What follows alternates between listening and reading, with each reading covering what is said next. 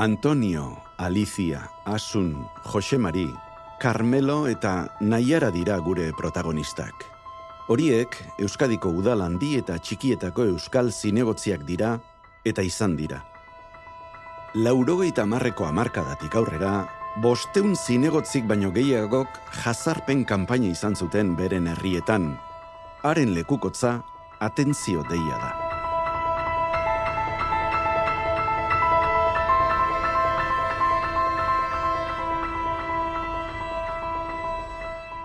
Jose Ramon Intxaurbe, Deustuko Unibertsitateko irakaslea da. Etak mila bederatzineun eta laurogeita mar eta bi mila eta amaik artean mehatxatutako pertsonek jasandako bidegabekeriari buruzko txostenaren egiletako bat.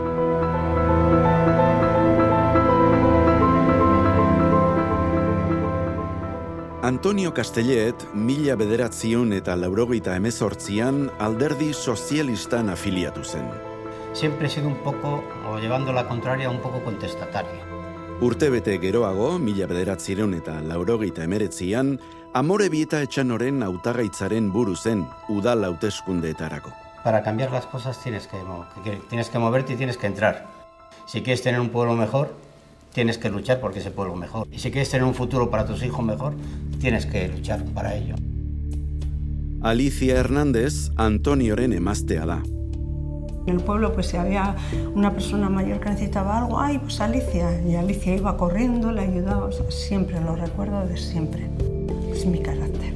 Aizu Alicia, egingo zenidake? Eta Aliciak egin. Eta gaur egun, Amorebieta Etxanoko azken udal hauteskundetan alderdi sozialista Euskadiko Ezkerraren zerrendako lehena. Laurogeiko amarkadaren amaieran hasi zen guztia, Espainiako gobernuaren eta etaren arteko aljergo elkarrezketen porrotaren ondoren. Talde terrorista guzte zuen, haien eragina gero eta txikiagoa zela, eta areagoto egin zuen estatuaren aurkako erasoa. A principios de los años 90 eh, se produce un incremento de la actividad terrorista de ETA. 1992 es un año muy importante en la historia de ETA. Aquel año en Bidart se eh, desarticuló la estructura, la cúpula de ETA. En casa el pacto de Ajurianea estaba en vigor, entonces sí da la sensación de que eh, ETA pudo tener una percepción de pérdida de espacio, pérdida de fuelle eh, y decidió actuar eh, pues, eh, tirando hacia adelante, es decir, eh, con una violencia especial. ¿no? Imanol Lizarralde da, bere doktorego tesia da, askapen nazionaleko mugimenduaren mila bederatzion eta irurogeita sazpi eta bi mila eta bederatzi arteko taktika eta estrategia. Etako zutare e, batean, irogeita mazazpian, hain zuzen ere hor planteatzen dena hause da. Hau da, e, ga, gauza oso merkea zaiola e, klase politikoari e, poliziak edo militarrak e, hiltzen ikustea. Eta orduan, baldin eta e, PP, PSOE edo PNV-ko kargo politikoak erasotu edo hil egiten baldin badira, orduan klase politiko asko ez implikatuagoa sentituko dala, eta orduan negoziakata baterako asko ez prestago egongo direla. Ideia hori, Jose Javier Arizkureni, kantauri ez izenez, ari konfiskatutako paperetan agertzen da. Honela zioen, alderdikide baten hiletara doazenean, etxera itzultzean, agian pentsatuko duzu, irten bideren bat aurkitzeko garaia dela, edo agian beste alderdiaren lekuan egotea tokatuko zaizula. Pinu kaxan eta oinak aurrean dituela. Sufrimendua gizarteratzeko estrategia, esaten zaio, eta mila bederatziun eta laurogeita meirugarren urtean hasi zen. Hablamos de una serie de estrategias directas eh, que están muy basadas en actos intimidatorios, en amenazas de muerte, en insultos o rechazo que pueda haber, digamos, en el espacio público, hasta eh, el lanzamiento de productos incendiarios como un cóctel molotov y que, como punto extremo el, el asesinato. Javier Martinek ongi daki nola eragin zien biktimei jazarpen estrategia horrek. Haietako askorekin pertsonalki hitz egin zuen Zaragozako Unibertsitateko Psikologia Departamentuak zuzendu zuen azterlanerako. Paul Rios urte askoz izan da bakearen, akordioaren eta kontsultaren alde lan egiten zuen herritarren sare baten bozera mailea Euskal Herrian. Aktivismoa eta esperientzia dira nagusi. En nuestro país han sucedido verdaderas atrocidades, pero en algún momento hay que señalar que es lo que propuso Oldarche ha sido una de las mayores atrocidades que se han hecho, porque a quién se le ocurrió que esta idea de que cuanto más sufra, más sufrimiento pongamos encima de la mesa, más rápido se va a solucionar los problemas que tengamos. Parece una de las aportaciones más terribles que se han hecho en nuestra historia reciente, sin duda. Zer da jazarpen estrategia hori?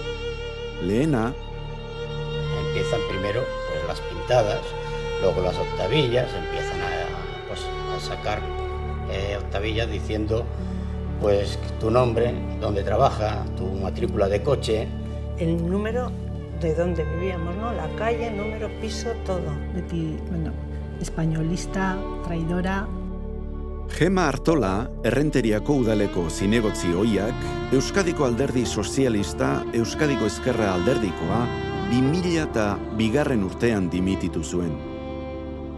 Pitadas, hijos de puta, eta hor botatzen ziguten, bueno, izoskiak, latak, ba, denetik.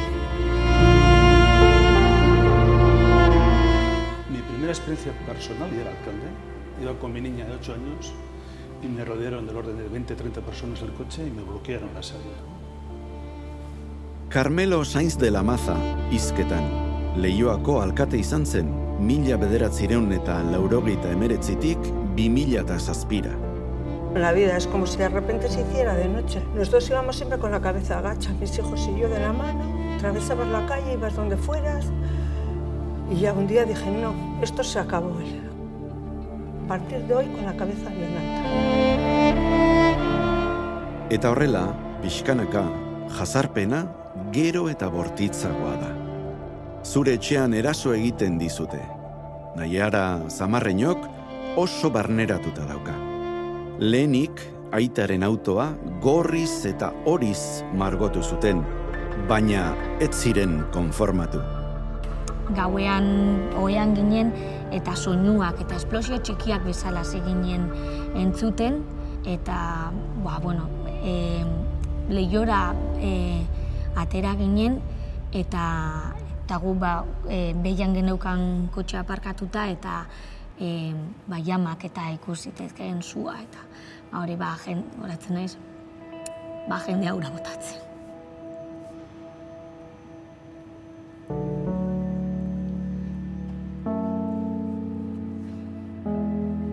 ba, jende batzuk lagundu nahian, ez? Ure, e, balkoietatik, ura botatzen, eta bar, baina ba, horrengo gunean, altxan nintzenean hor jarraitzen zuen kotxea eta, eta guztiz, guztiz erreta zegoen. Gogoratzen naiz, martxoan igande batean, e, sortu zirela herri guztitik e, txartelak e, dianakin. Eta ja, dianan zeuden ere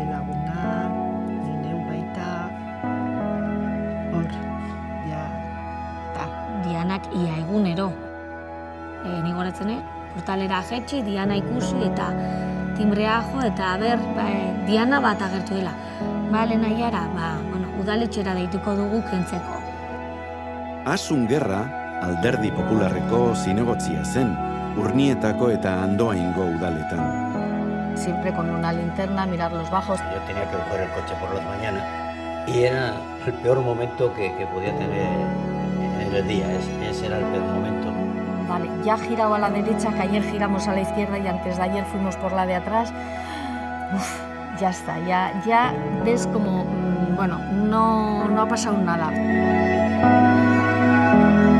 Y lo más duro de todo es cuando te dicen, bueno, y ha aparecido también el nombre de sus hijas, el colegio al que van, el horario que tienen.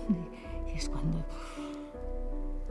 se te cae el alma a los pies. Y suena el, el teléfono y le dijeron algo así como tu aita va a ser el siguiente en morir. Te vamos a matar o estás muerto. hori gure egunerokotasunean zegoen.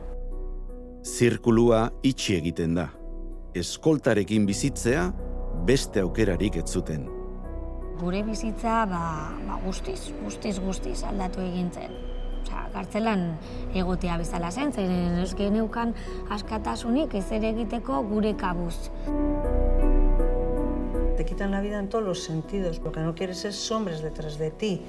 Tú ya no, no, no puedes decir, ahora voy a tomar un vino, o ahora voy a, a ir a por el pan, o voy a comprar el periódico.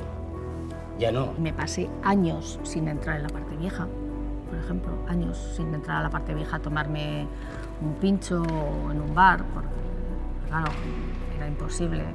Paseo bat ematea, pues, zirko bat bezala. E, nire aita, leku batean, e, gu metro batzuk atzeraka e, ibili behar ginen, batzuk esaten zioten nire aitari, ba, eseak emateko e, norbait pistola batekin apuntatzen baldin zegoen. Bakardade eta isolamendu sentsazioa bere alakoa da. Aste burutan, bueno, pues, a, kabuxara juten ginen. Eta, bueno, geunden, ba, ez dakit, dena zinegotziak, zenbait eskolta, denok atearen onduan, eta gu antze, ba, bueno, dantza, eta baina hori geto bat bezala. Es muy duro que alguien que piensas que es una, una amiga te diga que no quiere ya ir a tomar un café contigo porque no quiere que sus hijos estén al lado de gente que lleva armas. Ya notas que en el trabajo, gente con la que antes eh, venía, te saludaba y te y llevaba muy bien con ellos, ya empiezan a no hablarte. Ni te miraban, procuraban evitarte. Josemari Michelena, Oihartzungo udaleko Eusko Alkartasunako zinegotzia, berak bizi izan zuena kontatzera animatzen den lehen aldia da. Llamadas telefónicas. Yo en dos años tuve que cambiar tres veces de número de teléfono. Y llamaban y te decían, y que el próximo tú vas tirando para adelante hasta que el año 96, el día 3 del 3, el día que le montan a Mancho Doral, eh, me ponen un gato negro en la puerta de casa. Un gato muerto. Un gato negro muerto, en la puerta, colgando de la puerta de casa. Eh, eso para los Oyarzorres es un símbolo pues, bastante macabro, pero es bastante especial porque hasta ahora, que yo sepa, y ya ha habido unos cuantos, a todas las personas que se les ha puesto un gato negro muerto en la puerta de casa, a todos les han matado. Gregorio Ordóñez, mila bederatzireun eta laurogeita mausteko urtarrilaren hogeita iruan hil zuten. Sufrimendua gizarteratzeko estrategiari jarraituz, Euskadin hildako lehen zinegotzia da. Y desde ahí hasta marzo de 2008, cuando es asesinado Isaías Carrasco, eh, son 16 los concejales eh, asesinados por ETA. Pero es verdad que antes de 1900 o antes de la década de los 90, ETA ya había atentado contra varios cargos eh, municipales. Nosotros hemos recabado la identidad de 13 eh, personas que eran de diferentes ideologías, particularmente, por ejemplo, también de Unión de Centro Democrático. Aita, aita, que han matado akaso? Nire aita salto batez e, oetik atera zen, jantzi egin zen, eta, eta bos minututan e, e, etxerik ateratzen ari zegoen e, ba, irunera joateko, bere gorpuaren ondoan e, esan zuen, beraren gandik zeukan e, lehialtusunaren gatik eta ba, ba bera izango zela e, urrengo errenteriako zinegotzia. Oso, oso, oso ausarta. Ni gauero e, otoitz egiten nuen, betidanik, eta batez ere ba egun horietan eskatzen nuen lehenengo gauza zen nire etari ezerrez gertatzeko, beti, beti, beti. Baina azkenean, ba, ba mehatxu horiek e, egia bihurtu ziren edo ziren eta gertatu zen. Es, es uno tras otro. Eh, caso, Breta Ollena, Zamarreño. Había días que te levantabas y decías, bueno, mm, ¿quién es el siguiente? Gu gure etxean, e, sei ginen etxean, berrogeita mar e, metro karratuko etxe txiki batean, txakurra eta txoritxo bat, eta beti, ba, beti soinua, beti garrasiak, beti diskusioak, beti parrak, eta eta irailean, ba, isiltasun osoa etxean. Etxea izugarri handia zirudien, familia purtu intzen. Jazarpen estrategiak sufrimendu handia eragin zuen eta etxeko ateak zeharkatu zituen. Euskal zinegotzien familia osoek indarkeria iraunkorra eta askotan eskutuan jasan zuten. Dejó de ser Iñaki el pequeño, era el escoltado. ¿Quién piensa que un niño de seis años va a llamar a otro escoltado si esa expresión o esa palabra no la ha oído en su casa? Y el mayor venía hasta lleno de marcas del cuello y tú le decías, ¿qué pasa? Nada, ama, nada. Y mi hijo y yo acabamos de psicólogo, el pequeño y yo estuvimos en psicólogo.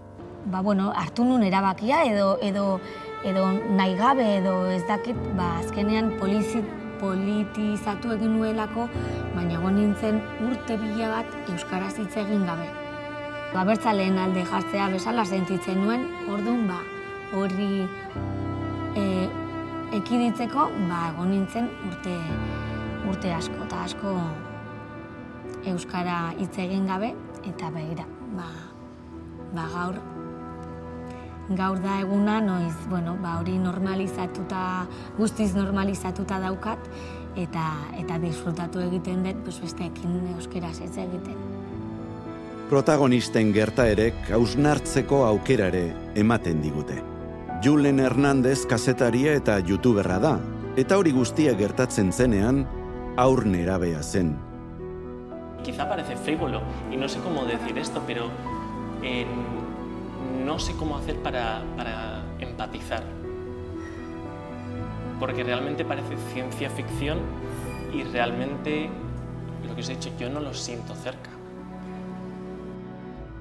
Eso es súper interesante. Es frívolo lo que dices, nos faltó eh, potencia social para, para resolver ese tema. Julenen arira edurne portela idazleak, iraganari autokritikaz begiratzera gonbidatzen gaitu. Pero ¿cómo podíamos vivir así?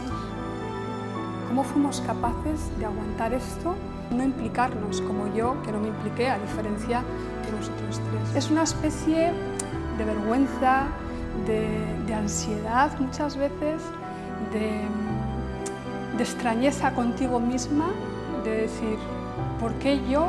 ¿Qué hacía yo mientras los demás hacían eso? Eta Jose Ramon Intxaurbek ideia hori azpimarratzen du. Beretzat ez erraza oroimena egitea.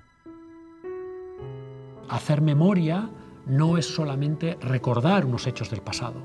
Hacer memoria es comprender la dimensión que tienen esos hechos, ¿no? comprender la injusticia que, eh, latente que ha habido, incluso la amenaza eh, potente a nivel social eh, que ha existido eh, dentro de esa patología democrática que hemos vivido. ¿no?